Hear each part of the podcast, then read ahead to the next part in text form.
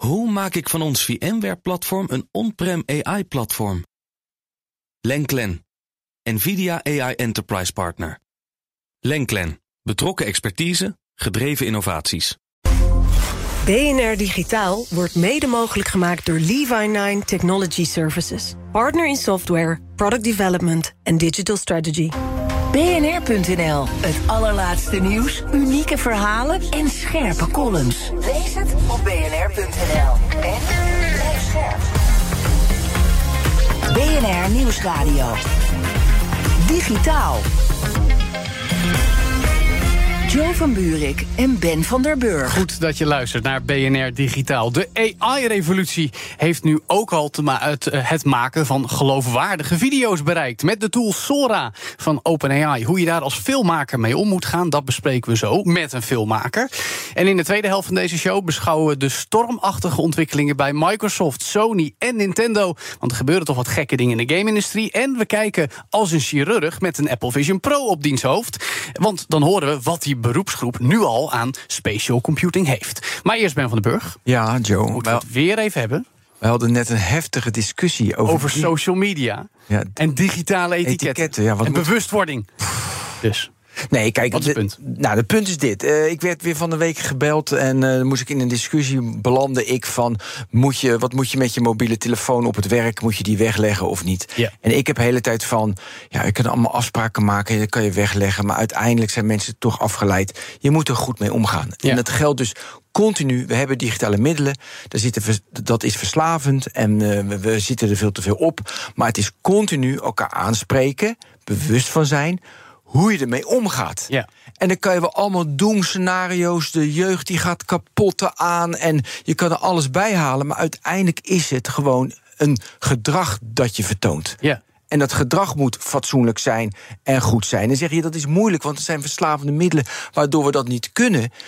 Ja, maar dat is nu precies de truc dat je er wel goed mee om moet gaan. Ja, maar het hele punt is dus dat we er met z'n allen bewust van moeten zijn. En als we niet zijn, dat we het bewust worden dat die middelen er zijn. Dat we daar zo mee omgaan. Dat we het soms even wegleggen. Dat we elkaar daar misschien wel of niet op aanspreken. En dus ook dat iemand soms mag roepen: zou het niet een goed idee zijn om dat te verbieden? Dat verbod moet er dan niet, misschien niet per se komen. Maar het zorgt wel weer voor een stukje extra bewustwording. Ja, oké. maar kijk nu. moeilijk. Ja, en waarom? Omdat die discussie, als je alleen al naar de, de massamedia kijkt afgelopen weekend in de Volkskrant en in de NRC's, alleen maar doem, doem, doem van social media, doem van de mobiele telefoon. Mhm. En dus jij zegt dan, oké, dan moet je soms extreem stellen, want dan krijgen we de discussie en dan komen we uiteindelijk in het midden uit. We leven in polariserende tijden. Ben. Ja, maar ik, ik vind die nuance lijkt mij toch ook wel handig vooral om die hier te maken. Doen we ons best voor. Dat doen we ons best voor. Omdat je, ja, weet je, uiteindelijk is het toch, het is er. Kijk, als ik één maatregel mag nemen, en die vind ik toch, die vind ik heel mooi, die algoritmische tijdlijn. Als ik daar nu iets Ja. over mag, zeg ik van, die hadden ze moeten verbieden. En dat was het voorstel ook van Kim van Sparretak. Ja. Van. GroenLinks. Ja, precies. Om dat in de DSA te doen. Precies. En die is niet doorgekomen vanwege de lobby. Maar ik denk dat dat had geholpen. Echter, als je dat namelijk inderdaad verbiedt, de algoritmische tijdlijn, dan is social media dood. Ja, maar dat gaat om de commercialisering van social media. Terwijl op zich het, de functie van social media, het verbinden, het in contact brengen van mensen, met elkaar communiceren overal ter wereld, is hartstikke mooi. Maar als er alleen maar geld en vooral nog meer geld mee verdiend kan worden, als er iets, iets als een algoritmische tijdlijn er is, dan moet je je afvragen of we zoiets als een algoritmische tijdlijn moeten willen. Nou ja, ja maar goed, we Dus, weten dus dat... en, en jij hebt hier net gezegd, nou dat had misschien wel best verboden moeten kunnen worden. Nou ja, als ik dan als ik een beslissing moet nemen hoe je dan kan inperken, dan vind ik dat dus een maatregel. Denk van ja, daar kan ik, bij, daar kan ik mee inkomen. Kijk, jij haalt de financiële factor erbij. Het probleem is natuurlijk, ja, weet je, dat is nu eenmaal het businessmodel op het internet. Er is geen ander model, want al die mensen met social media, die willen niet gaan betalen voor al die Nee. services. Dus dan heb En jij weet toch ook, dit gaat ook om aandeelhouders tevreden houden. Dit gaat om iedere keer de marges te vergroten. Ja. Dit gaat om nieuwe manieren zoeken om nog meer advertentieinkomsten te genereren. Dat is dan toch eigenlijk meer een probleem dan de social media aan zich. Nou ja, het probleem. Ja, maar goed, jij Ik wil hetgeen waar, wat je ter discussie kan stellen. Nee, want je hebt ook namelijk dat financiële model nodig om weer nieuwe innovaties te maken. Dat, de, de- en, Ja. eh, en voor je pensioen. Dus dat heb je ook nodig. Nou, misschien. Eh, Het- weet je wat interessant is? Nou? Brussel heeft een onderzoek aangekondigd naar TikTok met al zijn Ja, een algoritmische content. Dat is wordt een hele goeie. hele interessante case om te zien wat daaruit gaat voortkomen. En of de Europese wet daar nu al voldoende dingen over zegt. Of dat het toch weer lobby is. Ja. Nou ja, het is ook interessant. Het is een hele moeilijke, hele moeilijke kwestie. Dus we moeten daar blijven over discussiëren. Ja, maar dat niet doen we hier. ex- eh, Alsjeblieft, niet te extreem. Nee, en dat maar we, gaan, nu. we blijven er wel over praten en discussiëren of je dat Juist. wil of niet. Dus. Joe van Buurik en Ben van der Burg. Na afbeeldingen met DALI en teksten met ChatGPT kunnen we ook indrukwekkende video's gaan genereren. Composities zo gek als je ze kan verzinnen en in hoge resolutie. En ook nog tot een minuut lang. Dat is althans de belofte die OpenAI net gedaan heeft met onthulling van Sora. Het nieuwste en grootste AI-model voor de generatie van video's dus. Welke impact heeft die innovatie met AI op het gebied van film en televisie? En hoe wordt dit binnenkort, of misschien nu al, toegepast? Dat gaan we bespreken met Pieter Bruin van Film Dynamics. Hij is cameraman voor film- en tv-producties met diverse innovaties. Welkom in de studio, Pieter. Dankjewel. Goed dat je er bent. Wat vond jij nou het meest indrukwekkend aan Sora? Want we hebben allerlei voorbeelden langs zien komen. Wat sprong er voor jou uit? Het- Als ik eerlijk mag zijn, ik schrok er echt van. Ja? Ja, ehm, terwijl het elf maanden terug nog echt een lachertje was. Videogeneratie met AI bedoel je? Exact. En, eh, dan heb ik het over eh, eh, dat filmpje met eh Ja, met Will Smith. Will Smith, precies, die spaghetti. Ja. Het gaat nergens We over. hebben tools van Meta gezien, van Google. Ja. En nu komt OpenAI. Ja, dus toen dacht ik van, nou, nee, mijn, mijn job is nog veilig. Ja. Totdat vorige week, tot vorige week, eh, OpenAI kwam met de aankondiging van dit model. En Ja. toen dacht ik van, oké, dit wordt echt serieus. Ja, maar waar, waar bleek dat uit? Was er één specifieke clip of iets, wat, een gemene deler die je zag... waarvan je Ja. dan denkt, nou dat is de gamechanger? op de voorpagina staat een, een, een, een, een, een shot van die, eh, van die vrouw die door die, door die stad heen loopt. Door Tokio. Door Tokio, precies. Ja. En waar het, waar het voor mij eh, het verschil uit maakte, is dat het consistent was. Dus het beeld ging niet uit elkaar. Nee, Ja. het, blijf, het bleef gewoon zoals het. Geen uit proporties gerukte elementen, Exact. geen verstoringen, Ja. geen glitches. En, en ook eh, met name als iemand eh, verdween achter een bepaalde persoon. en die later weer terugkwam. dan bleef dat ook intact. Ja, en dat hebben we nog niet eerder gezien dus, met Is niet mogelijk. AI-gegenereerde Nee. video's. Nee. Maar goed, dus de, de, de kritiek op die specifieke video is weer dat de schaduwen niet, eh, niet goed zijn. Weet je, dat is een beetje waterig, is het een beetje. En dan heb je de schaduwen in het water kloppen niet. Val jij daar dan over of denk je van, joh, prima, dat komt wel? Ja, dat gaat zeker komen. Het is de kwestie van het model refinen. En eh, ik moet zeggen dat als je echt goed let op de schaduwen en reflecties. Wat mij dan opviel is dat bijvoorbeeld de framerate van dingen waar heel veel detail in zat, zoals bomen met, met, met bloemetjes en dergelijke, eh, het lager was dan de rest van het beeld. Ja, ja. Ja, dus Maar dat zijn dus dingen die toch weggeven dat dit nog niet helemaal perfect is. Ik- exact. Ja. Ja, dat is het, dat is het nog zeker niet. Nee. Maar jij zegt dat gaat waarschijnlijk korte termijn allemaal aangepakt worden. kwestie van tijd. Ja, maar om ook even te kijken naar jouw beroepsgroep. Hè? Want we hebben dat met ChatGPT, met tekstschrijvers en vertalers gehad. We hebben dat met DALI, met illustratoren gehad. Is er nu paniek in jouw beroepsgroep als het gaat om help AI komt nu echt onze baan overnemen? Eh, niet in eerste instantie. Nee. Nee. Maar ook niet met wat jij net zegt van nou op korte termijn wordt het misschien gefixt. Dus er is toch nog, zeg maar, wordt er dan met enthousiasme gereageerd? Van oh, dit geeft misschien wel nieuwe mogelijkheden om beelden te genereren. Ik denk wel vanuit de hoek van contentcreatie. Mhm. Dus als jij bijvoorbeeld aan, met een idee hebt en je wilt het graag visu- visualiseren, dan heb je niet experts nodig of een heel team of misschien wel, eh, nou ja, mensen zoals wij. Wij zijn gespecialiseerd in camera-stabilisatiesystemen. Ja. Eh, met name bijvoorbeeld Dronemarkt, de, de beelden vanuit de lucht, Ja. dat die eh, het eerst zullen gaan voelen. De shots die fysiek moeilijk te maken zijn in de echte wereld, Ja. die gaan als eerste sneuvelen, zeg je. Ja, Ja, dat is nu met die landrover die je zo ziet rijden. En eh, dat is een mooi shot. Ja. En die gaan als eerste sneuvelen. ja. Welke specifieke toepassingen zie je nog meer? Want je zegt dus, zeg maar, je kan snel een voorbeeld laten zien. Mhm. Dus drone shots. Wat voor type video denk je van, nou, dat wordt ook direct gedisrupt? Dat valt dus mee, want je moet onwijs lang denken erover. Ja, omdat ik vanuit, vanuit, vanuit mijn markt, vanuit mijn hoek, wij maken dingen heel specifiek voor wat een regisseur exact wil. Waar vaak ook emotie bij komt kijken. Waar je bent met eh, regisseurs en met een acteur bezig. En, en dat, dat zie ik hier nog in eerste instantie nog niet gebeuren. Ja. Het zijn meer fantasietjes nu.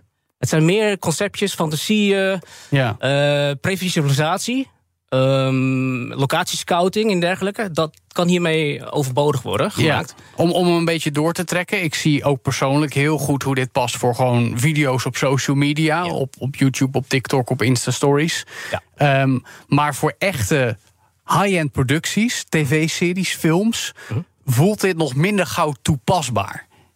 Zie jij dat ook zo? Nou, misschien meer op, eh, bij onzichtbare effecten. Eh, bijvoorbeeld, ik- ik- ik- wat we nu allemaal gebruiken in Photoshop... is die re- regenerative fill. Ja. Hè, dat is op basis van een prompting en, en een selectie van waar je een, bijvoorbeeld een huis wil plaatsen... dan, dan doet de computer dat. Met Ja. AI ook. En jij zegt dat is wat we nu eigenlijk hier zien, maar dan in videovorm. Ja, zoiets. Ja. Ja. Wordt dat eigenlijk al veel gebruikt? Want we weten dat special effects natuurlijk al een aantal decennia heel belangrijk zijn in Hollywood en dergelijke. Zit daar eigenlijk al ja, iets vergelijkbaars als Sora tussen, voor zover je weet? Goed, goede vraag. Ik denk, eh, als je bijvoorbeeld kijkt naar een film als Lord of the Rings... Mhm. nou, misschien al 15, 18 jaar oud. Zeker. Misschien de eerste. Ja. Er waren een aantal scènes waar je gigantisch grote battles had... met eh, Heel veel soldaten. soldaten. Ja. En die zijn ook allemaal geprogrammeerd. Eigenlijk gekloond, hè? Gekloond, precies, Ja. vanuit een model, 3D-model. Een aantal eh, eh, motion capture acties worden dan toegepast... op basis van wat, eh, wat de AI nodig vindt. Ja. Nou, dat is in principe al een eerste primitieve vorm van, van dit. Mhm. Als je het doortrekt naar nu... eh, Ja, sky's the limit. Dus Ja, maar, maar is dit dan eigenlijk vooral iets in de hoek van de special effects? Zeg maar een, een, een nieuwe, nieuwe schroevendraaier in de gereedschapskist, zo je wilt. Een hele handige, een, een zakmes eigenlijk. Je kan er nog heel veel dingen mee, maar het blijft iets wat heel erg in de special effects hoek zit. En niet per se het draaien van fysieke shots, los van die drone shots die we bijvoorbeeld net noemden. Als, we, als het gaat om het genereren van plaatjes... kunnen we met eh, open source tools, zoals Stable Diffusion... al een, een soort van customized, getraind model maken... op basis van wat wij graag nodig hebben. Hè, dus je kan bijvoorbeeld een auto heel goed eh, eh, in de computer brengen... om- zodat zeg maar de AI precies weet hoe die auto eruit moet zien... vanuit een bepaald shot. Ja. Dus ik denk dat OpenAI ook iets zal gaan doen in die richting voor Hollywood producers, zodat ze hun model opengooien, en misschien in een soort van in de vorm van een eh, licentie, dat eh, er wel mogelijkheden zijn voor extra controle. Ja. Want ik bedoel, ja, kijk, eh, dit model staat in principe gelijk al op slot. Hè? Je kan bijvoorbeeld geen gebouwen blazen. Nee, oké. Dat soort dingen. Ja, ja, ja, precies. Safety is belangrijk. Maar even over Stable Diffusion. Dus wat je doet, jij genereert een auto in Stable Diffusion. En dat, dan weet je wat voor type shot je, je moet maken. Maar eh, hoe dan? Dus wat voor auto? Hoe zit dat dan? Je hebt eh, verschillende modules binnen in Stable Diffusion... waar je controle krijgt over bijvoorbeeld het perspectief. Dus je kan bijvoorbeeld zeggen... sowieso kan je met prompting al heel veel doen. Hè? Eh, een wide shot, een close-up, een, een, een drone shot bijvoorbeeld. En van tevoren ga je dat dus in Stable Diffusion... dus, dus dan visualiseer je dat. Ja. En dan in het echt doe je dat na. En je denkt dat met Sora dat met video gaat gebeuren. Ja, dat, dat is ongeveer wat, wat, wat ook zal gaan doen. Ja, dus eigenlijk het visualiseren en misschien ten dele gebruiken, maar nog niet het vervangen van het fysieke opname- en maakproces van beelden. Ja, eh, per se. Dat is wel een dingetje. Want ik denk als wij eh, straks alleen maar video gaan creëren vanuit eh, prompting... Ja. het moet ergens geleerd worden, toch? ja, nee, dan wordt het het verhaal van de slang die zijn eigen staart aan het Exact, opeten is. exact. Ja. Dus ik denk, als er dronebedrijven zijn... of bedrijven die spe- gespecialiseerd zijn in camerabewegingen... Ja. eh, ga, ga inzetten op eh, een manier om beeld zeg maar, in het systeem te kunnen brengen, bijvoorbeeld. Ja. Om, om modellen te kunnen trainen. En Ja. dat misschien weer. Ja, maar dan hoor ik jou toch eigenlijk verstopt in die zin zeggen... Mhm. op de lange, lange termijn, pak een beetje jaar, vijf, tien... Ja. kunnen we misschien wel met een tool zoals Sora zo'n hele film eruit laten rollen. Of, of, of wil je nog niet die Nostradamus zijn? Nou, weet je wat nu al binnen een jaar voor elkaar is gekregen? Ja, Van Will Smith tot dit. ja. Als je dat doortrekt naar, naar, naar over 15 jaar... Ja, ik, denk, ik denk dat we dan... eh, ik denk echt sky is the limit. Dus Ja, maar is dat problematisch dan? Gaat, gaat dat juist voor de, voor de filmindustrie? Kijk, we hebben, kunnen het natuurlijk hebben over moderatie en wat voor beelden moet je niet kunnen genereren. Dat is echt even een apart gesprek, want het gaat voor heel veel AI-generatoren. Absoluut. Maar puur voor de, de, de filmmaakindustrie. Mhm. Heeft dit dan nadelen, los van dat het misschien menselijke banen overbodig gaat maken?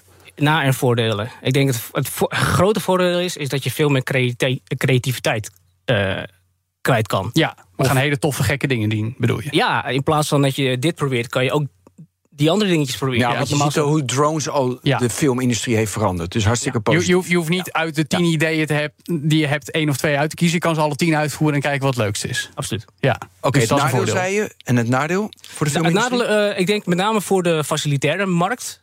Dus zeg maar high-end camerasystemen met dure lenzen. Eh, We hebben soms uh, camerapakketten op, op onze systemen van nou, bijna 150.000 euro, zo niet meer. Ehm, ik denk dat daar heel veel verandering zal gaan ontstaan.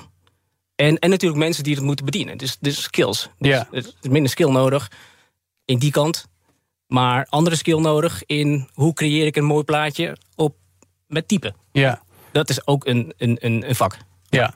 En daarbij kan ik me voorstellen dat jouw werk is nu nog heel erg iets vanuit je hoofd. En dat moet je fysiek in de praktijk brengen. Ja. Dus jij moet als de donder gaan leren programmeren en werken met tools zoals Sora. Om te zorgen dat wat jij in je hoofd hebt, wat een regisseur wil, nog steeds uit jouw handen kan komen. Maar dan met een AI-beeldgenerator in plaats van een camera op een auto. Ben ik al mee bezig. Al ongeveer ben je al mee bezig? Ja, Ja. zeker. Ja, zeker. Is dat, is dat, is dat makkelijk trans- te transfereren, jouw skillset, naar deze context? Ehm, ja, dankzij eh, ChatGPT Ja. eh, heb ik nu de mogelijkheid om, eh, om, om, om, om, om dingen te kunnen maken in, zeg maar, in uh, het, Visual Studio. Ja, Om te programmeren, Ja. wat ik normaal ook niet zou kunnen. Door Ja, ja. puur alleen maar te gaan prompten. ja, ja. En dan, ja, ik heb daarvoor geen programmeer nodig eigenlijk. Nee. Oké, dus dat lukt eigenlijk ook. Met dank aan ChatGPT, dus een ander Ja. product van OpenAI, kun jij wat jij deed ook met AI voortzetten. Exact. Ik wil gaan naar de techniek van Sora. Weet je wel, Ja. wat, want je weet, met ChatGPT is het van het volgende woord, het volgende woord, het volgende woord. Ja. Ik heb gelezen dat het bij Sora is. Ze hebben grof, hebben ze, ze noemen het visual patches. Ze Ja. creëren visual patches en dan halen ze elementen weg. Weet jij daar meer van? Ja, die, die patches, eh, eh, ze zeggen dat ze het beeld opknippen. En eh, vergelijkbaar als ze zeg maar met woorden een prompt maken, maak je zeg maar een compleet verhaal. En dat is dan in dit geval met patches. eh, doen ze dat bijvoorbeeld als, je, als, jij, als jij een video hebt die nog, nog getraind moet worden, dan wordt die opgedeeld in dingetjes, in elementen van dit is een wolkje en dit is een autootje. En, en zo wordt het zeg maar met keywords of met tokens wordt het zeg maar in het systeem gebracht. En met een zogenaamd diffusion model kan het weer tevoorschijn worden eh, getoverd. En met diffusion moet je, moet je het voorstellen als, als, als, het, als het ware een soort van eh, ruis, beeldruis, wat steeds mooier, mooier, gedetailleerder wordt. Dus ze hebben een paar voorbeelden van hoe je dat ziet met vier computers, zes computers en 32 computers. En bij 32 computers zie je gewoon de- een echt hondje in de sneeuw en en dat is 32 computers. Moet je je voorstellen als ze straks met duizend computers zijn.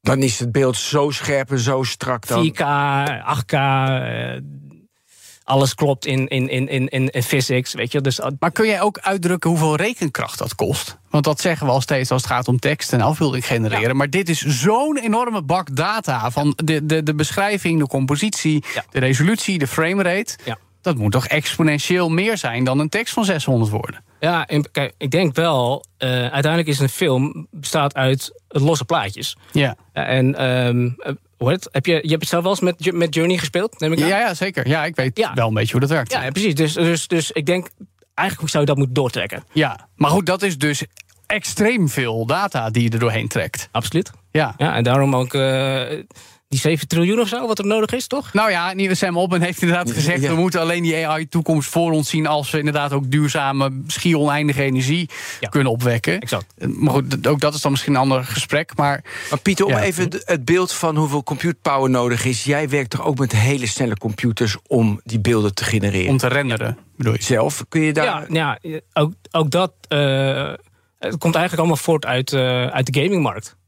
Ja, dus dus de, de GPU's, waar, waar we nu spellen op renderen, waardoor het er nu, super mooi uitziet.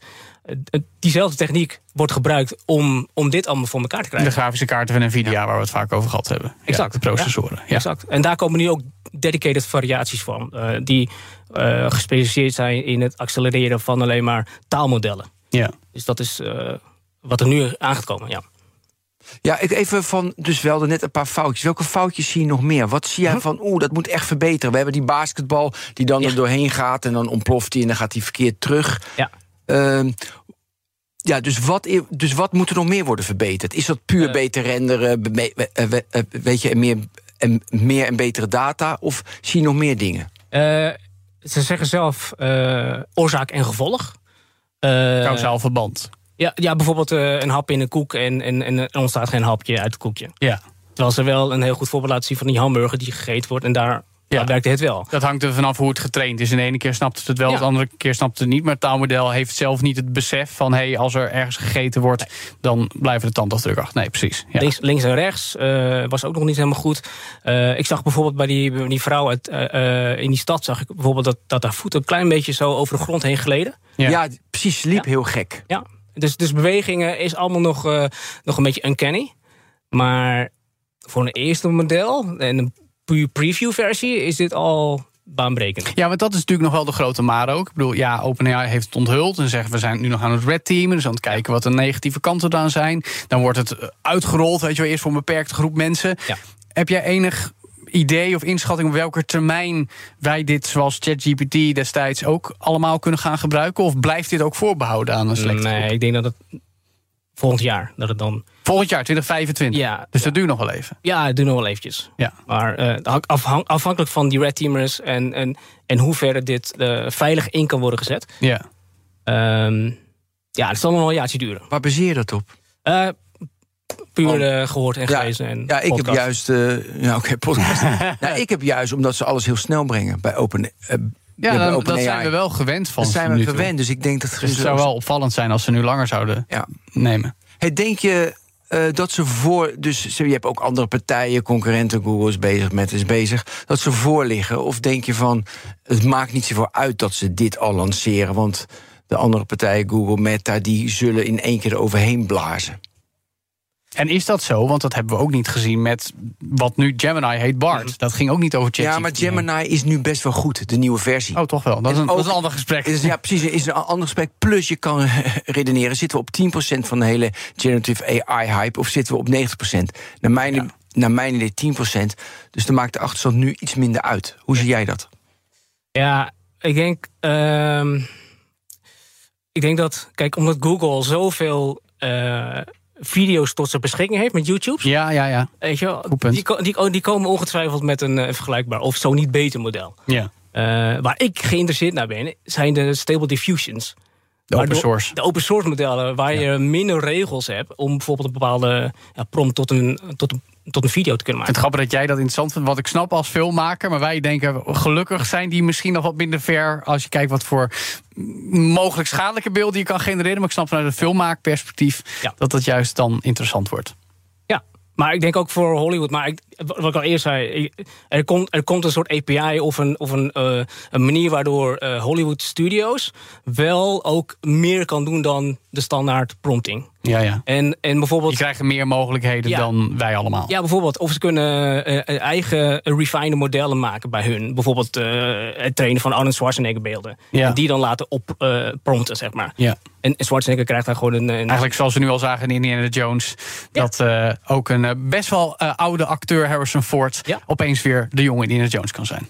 Ja, goed voorbeeld. Ja. Dus, nou, zo gaan we dat dus uh, verder nog uh, zien gebeuren. Met dank aan Sora en met dank aan de ontwikkelingen met AI, beeldgeneratie voor video. Dank in elk geval voor dit gesprek. Pieter Bruin van ja. Film Dynamics. Ja. En na de break vragen we of Microsoft, Sony en Nintendo eigenlijk nogal weten wat ze aan het doen zijn. Met alle onzekerheid die er heerst in de game-industrie. En we zetten hier de Apple Vision Pro weer eens op. Maar dan voor een belangrijke innovatie in de zorg. Blijf luisteren. BNR Digitaal wordt mede mogelijk gemaakt door Levi9 Technology Services. Partner in software, product development en digital strategy. BNR Nieuwsradio. Digitaal. Jo van Buurik en Ben van der Burg. Welkom terug bij BNR Digitaal. Waarom zetten chirurgen tegenwoordig slimme bril op? Zoals de recent geleerde, eh, gelanceerde Apple Vision Pro. Dat hoor je over een klein kwartier. Nu eerst moeten we gaan praten over de game-industrie. Want daar rommelt het flink. Microsoft gaat Xbox games naar systemen van concurrenten brengen. Sony heeft de komende 12 maanden helemaal geen grote software meer. En Nintendo heeft naar verluid de opvolger van de Switch uitgesteld. Dat gaan we analyseren met Joost van Dreunen, game-investeerder en academicus aan de New York University. Goed dat je er weer bent. Hey uh, Joost, wie van deze grote drie staat er nou het slechtst voor? Tussen uh, de drie, ik zou zeggen dat Microsoft een beetje zwak uh, begonnen is na de acquisitie van Activision Blizzard. weet je, op het moment dat je dan inderdaad 70 miljard dollar op de tafel gooit om een beetje een voorsprong te boeken voor jezelf. En dat je dan een beetje een soort kwakkelig begin hebt, dat vind ik toch een beetje jammer voor ze. Uh, en ik denk dat ze daar in eerste instantie een beetje meer hadden van uh, verwacht. Ja, en daarover gesproken, dat gaat dus games naar het systeem van Sony en Nintendo brengen. In elk geval vier, op termijn mogelijk nog meer. Nou, dat deden ze eigenlijk al met Minecraft en nou, ook die acquisitie van Activision Blizzard. Hoe past die keuze in hun overkoepelende strategie om de bol nu wel vlot te trekken? Kijk, weet je, ik denk dat zij dus uh, een beetje tussen wal en schip in zitten. Dus ze zitten aan de ene kant van ja, we hebben dus nu uh, allerlei intellectual property aangekocht om onze console-ecosysteem beter te maken. Maar tegelijkertijd zijn we dus ook bezig om dat ons achter ons te laten. Game Pass is een beetje een grote paradepaardje natuurlijk. Het, het, het, het groeit niet met de mate dat je zou verwachten 70 miljard later. Ja. Dus ik denk dat hun enige andere optie dan, en dat is een beetje traditioneel uh, voor Microsoft. Oké, wat kunnen we dan wel doen? Nou, dan gaan ze met z'n allen gaan ze dan vergaderen. Dan zetten ze een spreadsheet en een PowerPoint in elkaar. En dan hebben ze dus bedacht van gaan we nu bepaalde titels aanbieden op andere platformen. Want we willen dus uh, onder het ja, motto van iedereen is een gamer, willen dus alles aan kunnen bieden overal. Ik denk dat dat ook een sterk punt is, maar ik denk dat ze dat niet hebben, goed hebben doordacht. Maar wat is het kwakkelende dan nog meer? Wat Microsoft natuurlijk wil als uh, een bedrijf van 3 triljoen, ik weet niet eens wat dat in Nederlands Nou, 3000 miljard. Heel veel geld. En, en te, die willen natuurlijk gewoon daar ook een speerpunt van kunnen maken. Uh, en toch lukt ze dat dan niet, weet je wel. En ik denk dat het een beetje, ja, zeg dat voor Microsoft een beetje sneu is... in dat er dus ondanks hun vermogen en ondanks hun Azure-infrastructure... nog steeds een beetje ja, achter de feiten aanlopen. Ja. Nintendo doet het al ineens ontzettend goed. Met de Switch natuurlijk. En die, en die blijven dan... Die hebben dus laatst tijdens earnings hun verwachtingen voor de verkoop voor het komende jaar... van 15 miljoen naar 15,5 miljoen uh, verhoogd. Dus die zijn optimistisch met hun eigen vermogen. Mhm. En Sony heeft het dan naar beneden gedraaid, maar allebei doen ze het heel goed. Dus Microsoft is eigenlijk uh, Ja. haar tweede positie aan de verliezen en wordt nu derde. Ja, maar- dat is een beetje jammer natuurlijk. Maar toch valt me op aan jouw verhaal dat met Microsoft... dat ze nu pas in een kamer gaan zitten, spreadsheet erbij, strategie. Ze zijn zo lang bezig met die acquisitie, betalen ze 70 miljard voor. Kunnen ze niet, eh, hadden ze dat niet eerder kunnen verzinnen... wat ze ermee wilden doen? Of hadden ze misschien gehoopt dat Apple de boel zou opengooien... zoals leek te gaan gebeuren onder druk van EU-wetgeving? Nou, dat blijkt toch even vies tegen te vallen, bespraken we hier laatst. Waardoor ja, de- dat games op mobiel meer gaan commercialiseren... niet meer zo interessant voor ze is. Zit dat erachter? Ik denk dat dat een gedeelte van de strategie was eh, oorspronkelijk. Dus ze hebben eh publiek heel veel gesproken over eh, dat ze nu dus de baas zijn over King Digital met Candy Crush. En dat voor het eerst in de geschiedenis van Microsoft dat ze een aandeel hadden, een aanzienlijk aandeel hadden in de mobiele gamesindustrie. Want dat is een van de grote titels natuurlijk. Ehm, wat mijn verwachting was, en dat is gebaseerd op documenten die vorig jaar toen zijn uitgelekt tijdens een van de rechtszaken. Ehm, hun verwachtingen is dat ze ehm, 100 miljoen Game Pass subscribers gaan krijgen. Nou, voor het geld dat ze daar dus voor denken te gaan verdienen, kom je eigenlijk snel terecht bij een soort mobiele versie daarvan. Ja. Zij hebben waarschijnlijk heel lang eh, zitten speculeren intern over een mobile Game Pass eh, optie. Ja. Voor in plaats van 15 dollar, zeg maar 6 dollar. eh, om zo een, een heel groot publiek aan te spreken tegelijkertijd. En ik denk dat dat een beetje in het honderd gelopen is. Ja, dus eigenlijk hebben ze een strategie bedacht... die ingehaald is door de tijd... waar ze ontzettend veel, letterlijk tientallen miljarden voor op tafel hebben gelegd. En nu blijkt dat Apple zich toch niet zo makkelijk tot iets laat afdwingen... waar Microsoft gebruik van had willen maken. En dan valt eigenlijk hun hele plan van de afgelopen drie, vier jaar in duigen. Het, het, eh, ja, ik, ik weet niet of het in duigen valt nog, tot nog toe, maar het, het, het, ze, wat ik zei, ze zijn, het is een zwakke start. Weet je? Dit. Ze moeten dus nu met een sterke ja, inhaalslag komen om het een beetje recht te trekken. Want het is, ja, het, het, het- niemand is tevreden op dit moment. Weet je? Iedereen zit een beetje te kijken van ja, de, dus de industrie en de analisten en de jongens op Wall Street die kijken er allemaal naar en zeggen van ja, het is niet echt een, een sterke start. En de consumenten die zijn een beetje onzeker. Nou, dus ik weet niet of dit eh, eh, op lange termijn houdbaar is. Dus ze zullen inderdaad het recht moeten trekken en eh, met iets sterks moeten komen. Ja, nou, over Sony dan. Je noemde ze al. Nou, daar maken ze graag nog de blockbusters die honderden miljoenen kosten. Kost vijf jaar om ze te maken. Marketingkosten zijn enorm hoog geworden, vertelde hij een tijdje geleden hier al. Nu was het idee, we gaan meer games zoals Fortnite doen. Hè, live service model, maar dat hebben ze eigenlijk ook alweer afgezwakt. Want ja, met Fortnite en ook Roblox is die markt al aardig verzadigd. Heeft Sony gewoon geen langetermijnvisie wat wel gaat werken? Sony uh, heeft, ik denk, een, betere, misschien een bescheidenere, maar een betere visie dan Microsoft op dit moment. Uh, kijk, weet je, het verschil met Microsoft is dat uh, Microsoft die wil alles voor iedereen zijn. En dat is nooit een goed idee. Want dan krijg je dus, weet je, gewoon een hoop grijze flauwekul. Um, Sony is veel duidelijker in haar beleid met het uitbrengen van content. Dus die hebben dus nu ook inderdaad, zoals je zegt, aangegeven dat ze geen grote titels meer zullen publiceren tot in 2025. Ja, dat is al lang. En dat is voor hun.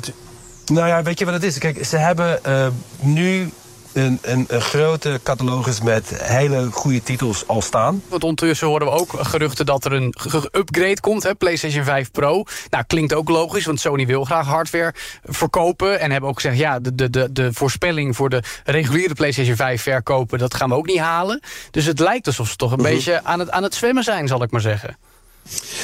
Ja, het is, weet je, het is, het is de laatste fase van deze, de huidige uh, hardware-cyclus. Maar is er pas drie jaar? Op dit moment... Ja, nee, maar kijk, weet je, je zit dus aan de tweede helft. Uh, En op het moment dat je in de tweede helft zit, dan, dan moet je eigenlijk het momentum van de eerste helft vasthouden. En nu ga je dus uh, dingen verbeteren. Dus je krijgt niet alleen een PlayStation Pro die dan leuker, mooier, nieuwer is.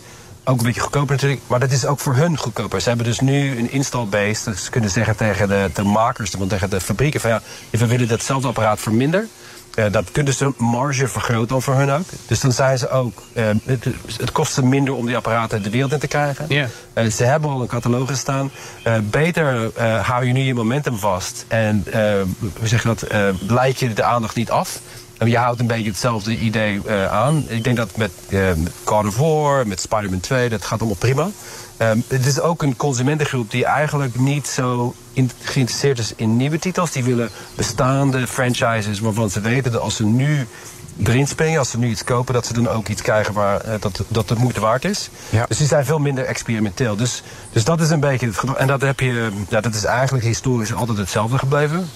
Maar je hebt gelijk dat ze dus eerder met de uh, acquisitie van Bungie hebben aangekondigd dat ze dus live services gingen uitbouwen voor bestaande franchises. Ja. Hebben ze niet gedaan. Ze hebben daar ook een hoop ontslagen gemaakt. Dus het is, uh, misschien is het plan veranderd. Ja, maar er zijn even twee belangrijke dingen, Joost. Als eerst even kijken naar de cijfers van de afgelopen 25 jaar. Dan van de PlayStation 2 en de mhm. Xbox 180 miljoen stuks. PlayStation 3 en de Xbox 360 170 miljoen stuks. PlayStation 4 en Xbox One 180 miljoen stuks. Natuurlijk, Nintendo doet steeds zijn eigen ding met wisselend succes. Smartphone gaming kwam op. PC gaming kwam weer helemaal terug. Maar we zitten toch tegen een soort plafond. En dan zegt Microsoft elke keer... we hebben 3 mhm. miljard gamers over de hele wereld. Maar toch kopen er maar maximaal 200 miljoen... die kracht krachtige spelcomputers van Sony en Microsoft. Wat gaat er nou mis in de afgelopen mhm. decennia... na stijgende kosten, dat het niet groeit, die aantallen?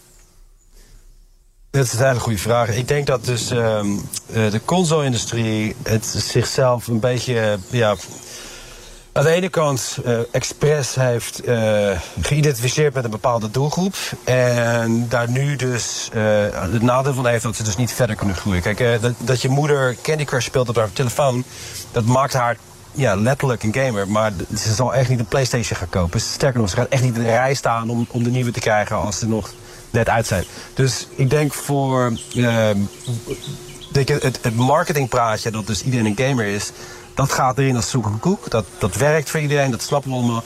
Maar dus de, de implicaties die dat heeft op de bestaande infrastructuur van de industrie... dus de uitgevers, de ontwikkelaars, de distributiepunten... de makelaars en de, en de fabrieken van de hardware... dat moet allemaal nog, zeg maar, die richting opgroeien. Ik denk dat we eigenlijk eerlijk gezegd op het punt staan om een derde...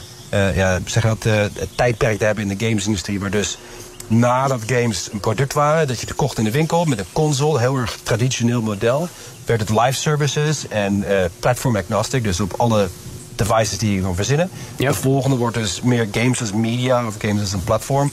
Want je moet dus veel meer aanbieden. Je ziet dat met uh, bijvoorbeeld uh, Nintendo, die doet dat nou juist zo goed. Die maken films.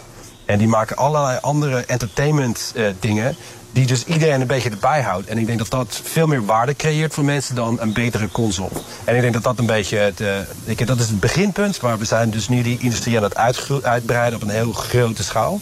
En je moet dus veel meer aanbieden dan alleen maar een betere console. En nog even over Nintendo dan tot slot, Joost. Je noemde ze al. Hè. Het heeft in zeven jaar tijd zo'n 140 miljoen Switches verkocht. En nog 15 miljoen, dan is de Switch de best verkochte speelcomputer ooit. Opvolger werd eind dit jaar verwacht, volgens de analisten en geruchten. Wordt volgens de geluiden volgend jaar. Vinden de aandeelhouders niet leuk. Net zoals dat ze boos waren op Sony en daar 10 miljard dollar van de beurswaarde ging. Ehm, maar heeft Nintendo nou echt een probleem? Want die hebben die enorme installed base, blijven games verkopen. Is dat gewoon een soort ja, overreaction van de aandeelhouders? Ja, weet je, die gasten, whatever man. Het is dus aandeelhouders, dat zijn echt, weet je, die begrijpen het minst van de gamesindustrie. En die zijn altijd het luidst, want die, controleren een, groot gedeelte van het geld. Maar die hebben dus historisch gezien altijd Nintendo onderschoten. Die hebben dus nog nooit Nintendo op, op, op, waarde kunnen erkennen. En wat je dan krijgt is dat iedere keer als de cyclus tot ten einde komt, dan zeggen ze, oh, dan gaan we, al het geld is eruit, laat maar zitten. En dan zegt Nintendo, ja, het duurt zes maanden langer. En dan zeggen ze, nou, zie, dat is het bewijs. En dan zijn we weer terug bij het feit dat uh, elke, elke console-generatie een soort fad is, een soort rage is, net zoals met speelgoed. Ze zeggen ja, weet je wat het nee is? is? Je snapt het niet. Dat het dus op lange termijn helemaal niet interessant is voor, voor Nintendo om dus heel snel een nieuw device aan te kondigen en te laten zien. Want er zit nog heel veel speling in en heel veel groei in de huidige markt. Zij doen gewoon wat best is voor gamers. En je ziet altijd een beetje een tegenstelling tussen, tussen wat aandeelhouders het leukst vinden en wat gamers het leukst vinden. Het, hetzelfde zie je dan bijvoorbeeld met Take-Two. Daar hebben we het ook een keer over gehad. Mm. Take-Two Interactive, die zal dus met Grand Theft Auto 6, een van de grootste titels die dan eraan zitten komen, die, zullen er echt helemaal, die geven er helemaal niks om wat aandeelhouders vinden van een, een deadline. Want die weten op het moment dat ze het goed doen, op het moment dat die game met succes eruit komt, net zoals met Nintendo met de Switch 2, op het moment dat die op het juiste moment aankomt en de markt op de, op de goede manier aanspreekt, dan verdienen ze zo heel veel geld dat iedereen verder dan zijn mond houdt. Weet je wel? Maar je, wat je dus krijgt vaak is dat die, het, het gebrek aan uh, lange termijn uh, inzicht erin, ja, dan krijgen die je, aandeelhouders die kijken alleen maar naar het eerste kwartaal, weet je. Die, die zien dat helemaal niet. Als allerlaatste dan, Joost, moeten we ons zorgen maken? Want nou, Nintendo, dat, dat zit wel goed dus. Microsoft is dingen aan het proberen om die uh, enorme investering te verantwoorden. En Sony, is, is er reden tot zorgen of kunnen we allemaal tevreden gaan slapen en elke avond lekker gamen? Sony zal het prima doen. Uh, die verdienen genoeg. Uh, die hebben genoeg succes om dat uh, voor te blijven bouwen. Ik, ik, ik, weet dat ze intern zijn ze een aantal uh, dingen aan het omzetten. Dus ik denk dat ze zich zijn aan het voorbereiden op de volgende fase, op de volgende cyclus. Ja. Uh, misschien dat dat een aantal, uh, weet je, dat ze dan een beetje later zijn met iets. Ik denk dat de, de grote vragen, de belangrijke vragen echt van Microsoft moeten komen. Met, met, met nadruk op het feit dat ze dus zoveel geld en zoveel momentum hebben. Zo, oké, laat daar eens wat zien, jongens. Weet je, dat je dus. Weet je, het, het is gewoon eigenlijk. Op een gegeven moment wordt het natuurlijk belachelijk dat je zoveel capaciteit hebt. En dan denk ik, wat is dan de meerwaarde daarvan? Dat je dat hebt mogen doen. En ja, we zullen zien. Ik, ben, uh, ik denk dat de, voor alle drie uh, de partijen... dat eigenlijk het grootste euvel een beetje komt van talent. Dat er dus een, een gebrek is aan mensen die dus op een hoog niveau kunnen opereren. En dat je dus te kijken van oké, alles boven een soort senior VP level, zeg maar, binnen die bedrijven. Waar halen ze dat talent vandaan? Waar zijn de managers? Waar zijn de executive directors en zo? Die dus zo'n zo'n tanker kunnen sturen. En ik denk dat ze dus allemaal een beetje daar zitten te kijken. Er zijn heel veel mensen weg, er zijn heel veel ontslagen door de hele industrie heen. Dus uh, ik verwacht dat het dus nu in een jaar of twee... dat er dus een soort inhaalstof zal komen met betrekking tot het talent. En dat daar dan een nieuwe richting van zal komen. Nou, dat is in ieder geval goed om te weten. Misschien uh, zouden ze jou eens moeten bellen. nee, doe maar niet, want dat doen wij liever... zodat we Absoluut jou niet. kunnen spreken over dit soort dingen. Dus ook dank voor deze uitgebreide analyse weer. Dank Joost van Dreunen, game-investeerder en academicus aan de New York University. Digitaal. De Apple Vision Pro is nu een aantal weken beschikbaar in de VS. Maar in Nederland wordt die ook al gebruikt op de werkvloer. Jawel, spatial computing dus. En een van de plekken die daarmee werken is het Rotterdamse Erasmus MC. Waar artsen zich met behulp van virtual, augmented, extended reality, hoe we het ook noemen, voorbereiden op ingrijpende operaties. Chris Hordijk is oprichter van Medical VR. Maakt deze toepassing voor de medische wereld met zijn bedrijf. En is nu bij ons aangeschoven. Welkom, Chris. Ja, dank voor de uitnodiging. Leuk goed dat je bent. Ja, heel goed. Wat kan nu in de chirurgie dankzij virtual reality wat eerder nog niet kon? Ja, wij maken dus uh, technologie om van CT-scans, dus platte plaatjes, een 3D-model van de patiënt te maken. Mhm. En dat 3D-model vullen we aan met gekleurde structuren van de belangrijke onderdelen die een arts moet weten tijdens een operatie. Ja. Dus de luchtwegen, de arteriën, de venen, de longkwabben en ook de tumor. En dat kunnen we heel mooi uh, in 3D in VR bekijken. Ja. En zo ziet de, de, de, arts echt met, met diepte dus een, uh, een digitale kopie van de patiënt. Ja, en die kan die dan ook weer aan de patiënt laten zien dus. Die kan meekijken op een ander scherm of zelf zo'n bril opzetten. Absoluut, dat is ook mogelijk en dat wordt ook gedaan. Ja, mooi. Uh, bij ons op afstand is ook dokter Alexander Maat, hart- en longchirurg verbonden aan het Erasmus MC. Ook welkom in de uitzending, Alexander. Dankjewel. Gebruik je deze toepassing nou vaak deze dagen en hoe bevalt dat? Uh, vrijwel dagelijks. Uh, alle longoperaties bereiden we met virtual reality voor. En dat is omdat die anatomie van iedere patiënt enorm wisselt. en je moet je voorstellen, voordat we de VR tot beschikking hadden, moesten we vanuit die platte CT-plaatjes en een CT-scan van een borstkas. Dat, dat, dat kan tot drie keer 500 dunne plakjes bestaan, genomen uit drie verschillende richtingen. Ja. En die moet je dan in je hoofd proberen om te vormen tot een 3D-model. En we hebben inmiddels uit onderzoek in onze afdeling uh, geleerd dat als je probeert op basis van de CT-scan een 3D-model in je hoofd te vormen, dat je in ongeveer 50% van de gevallen fout zit. Ja. Nee, ik kan me voorstellen dat dat best lastig is. Nou, Chris, ik begrijp, dit wordt al vijf of zes jaar gebruikt. Jullie zijn in ieder geval al een tijdje bezig met de ontwikkeling ervan. Hè? 250 operaties zijn er al uitgevoerd, ondersteund met deze technologie. Um, wat hebben jullie geleerd in die periode al? Ja, we hebben vooral geleerd dat het uh, cruciaal is om aan te sluiten op de workflow van de artsen. Artsen mm -hmm. zijn enorm druk en je hebt heel weinig tijd om uh, de meerwaarde van je technologie te laten zien.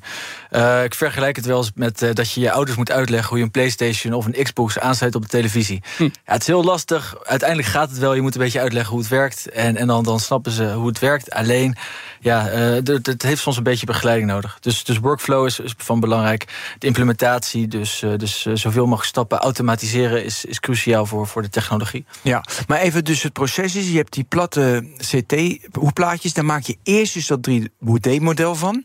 Dan gaat de chirurg dus daarin kijken van uh, in 3D hoe hij de operatie moet doen. -hmm. Maar tijdens de operatie hebben ze ook dat 3D op een scherm staan. Kun je er iets specifieker vertellen? Ja, zeker. Ja, dus je hebt eigenlijk twee stappen hier. Voor de operatie, dus eigenlijk gewoon op hun werkkamer... bekijken ze het met een VR-bril op... Uh, waardoor ze dus die digitale kopie van de patiënt kunnen bekijken... en dan belangrijke structuren kunnen selecteren...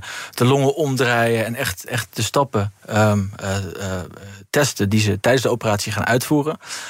En tijdens de operatie um, gaat niet een VR-bril mee de operatiekamer in... maar juist een laptop. En op die laptop worden onze modellen getoond... en zo kunnen ze weer um, de long aanpassen naar de anatomie van dat moment.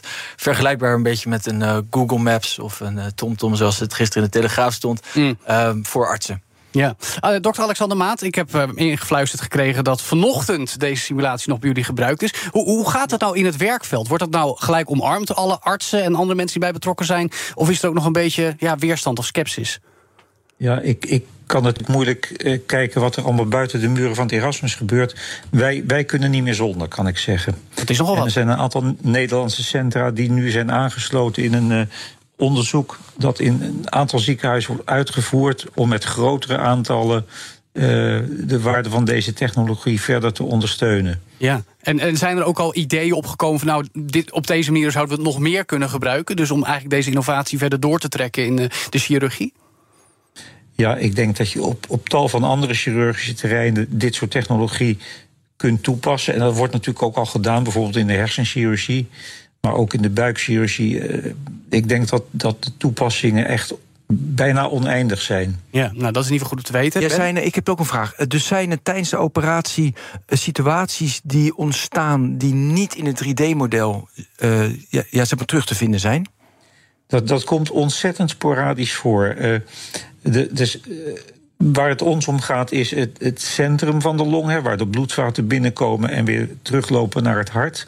Uh, de meeste fouten zitten helemaal aan de buitenkant, wat voor ons totaal niet interessant is. En de fouten in het cruciale stuk van de long, dat, dat is ontzettend zeldzaam, moet ik zeggen. Ja, uh, het interessante is natuurlijk, we hebben het hier ook over een toepassing voor de Apple Vision Pro. Chris, je hebt hem ook meegenomen, hartstikke Zeker, mooi. Het is een paar weken pas verkrijgbaar in de VS. Nou, wij hebben hem al getest, onlangs uitgebreid. Maar waarom zetten jullie juist die slimme bril hiervoor in? Ja, ik heb uh, hiervoor ook met andere VR-applicaties honderd demos gegeven. En elk moment was wel een beetje spannend van... werkt het wel, werkt het niet? En Ja. Apple heeft hier echt uitstekend werk geleverd... om ervoor te zorgen dat de gebruikerservaring tip en top is. Maar wat is dan anders? Want wij hebben de Meta Quest 3 ook geprobeerd. En dan kijken wij als consumenten. Maar voor jouw toepassing zijn het dus misschien weer hele andere voorwaarden waar je aan wil. Absoluut, zeker. Dus, dus één is het, eh, wel het gebruiksgemak. Twee is dus mensen eh, doen de bril op en snappen meteen wat ze moeten doen. Dat hebben ze echt heel goed gedaan. De onboarding. De onboarding, maar Ja. ook de interactie. Eh, het is straks mogelijk om met meerdere mensen naar hetzelfde model te krijgen. Ja. Hebben wij ook die toepassingen, maar het is, het is daar in de volgende stap. Plus wat ze hebben gedaan is, ze hebben zoveel hardware erin gegooid...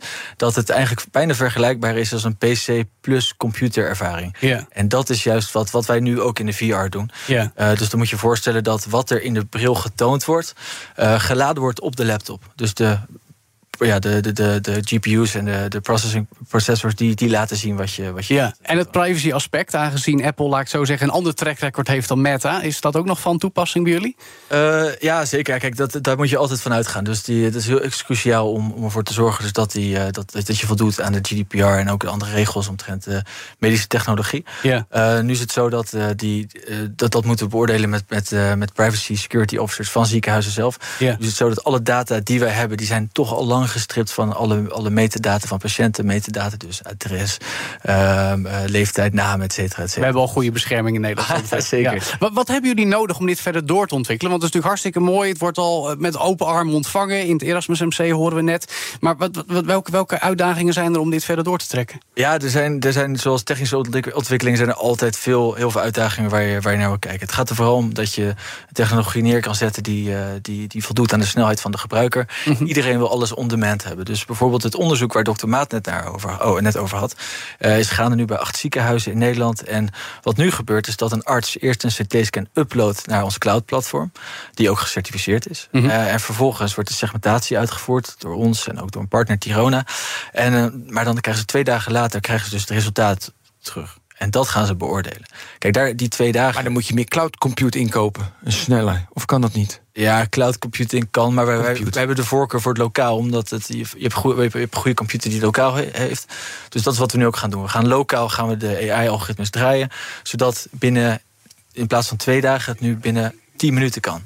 Ja, Ehm, de, de toepassing van extended reality in de zorg is ook niet helemaal nieuw. Eh, Nou, dit is een, een, in ieder geval een hele boeiende, interessante, die ook dus al een tijdje gebruikt wordt. Welke use cases zijn er nog meer te bedenken? Of zitten er misschien al in jouw hoofd, of die van je mensen? Nou, wat, eh, wat we bijvoorbeeld in België gaan doen eh, vanaf begin volgende maand, is eh, dit inzetten voor, eh, voor de patiënten om te informeren welke behandeling ze ondergaan, onder, on- zullen ondergaan. Mhm. Eh, denk aan patiënten met, eh, met hartfalen. Eh, op dit moment wordt er een tekening gemaakt op een papiertje. En op basis daarvan vertelt de cardioloog: deze stappen gaan we uitvoeren.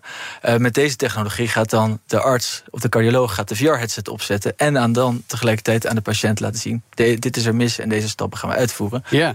Eh, dat is één ding. De andere is simulaties, dus training. Ehm, denk aan het grote tekort aan geschoold medisch personeel. Ehm, de operatiekamer is vaak de allerduurste plek om te leren.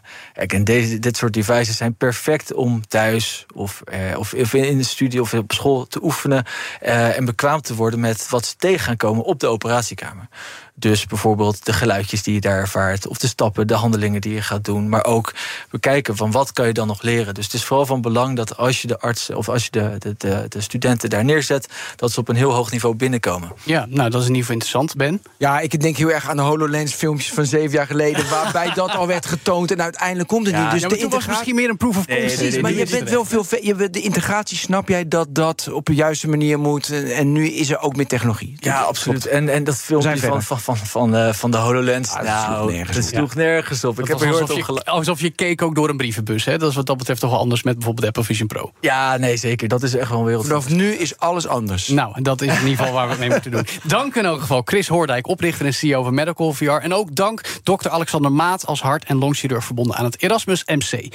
Tot zover deze BNR Digitaal. Ook als show te beluisteren, als podcast. Gewoon doen in je favoriete app. Abonneer je, beoordeel hem, deel hem met je netwerk. Hartstikke leuk. Doe het ook met de Tech Update en met de Technoloog Ben. Deze week met Herbert en jij over... Decentrale cloud. Dus niks naar Weer de grote... cloud. Weer cloud. Gewoon Ach. lokaal draaien alles. We blijven maar doorgaan. Goed, dat dus in de Technoloog. Luister daar ook vooral naar. Net zoals volgende week woensdag weer een nieuwe BNR Digitaal op de radio of als podcast. Vooral luisteren. En ik zeg namens onze hele tech-redactie tot volgende week. Dag.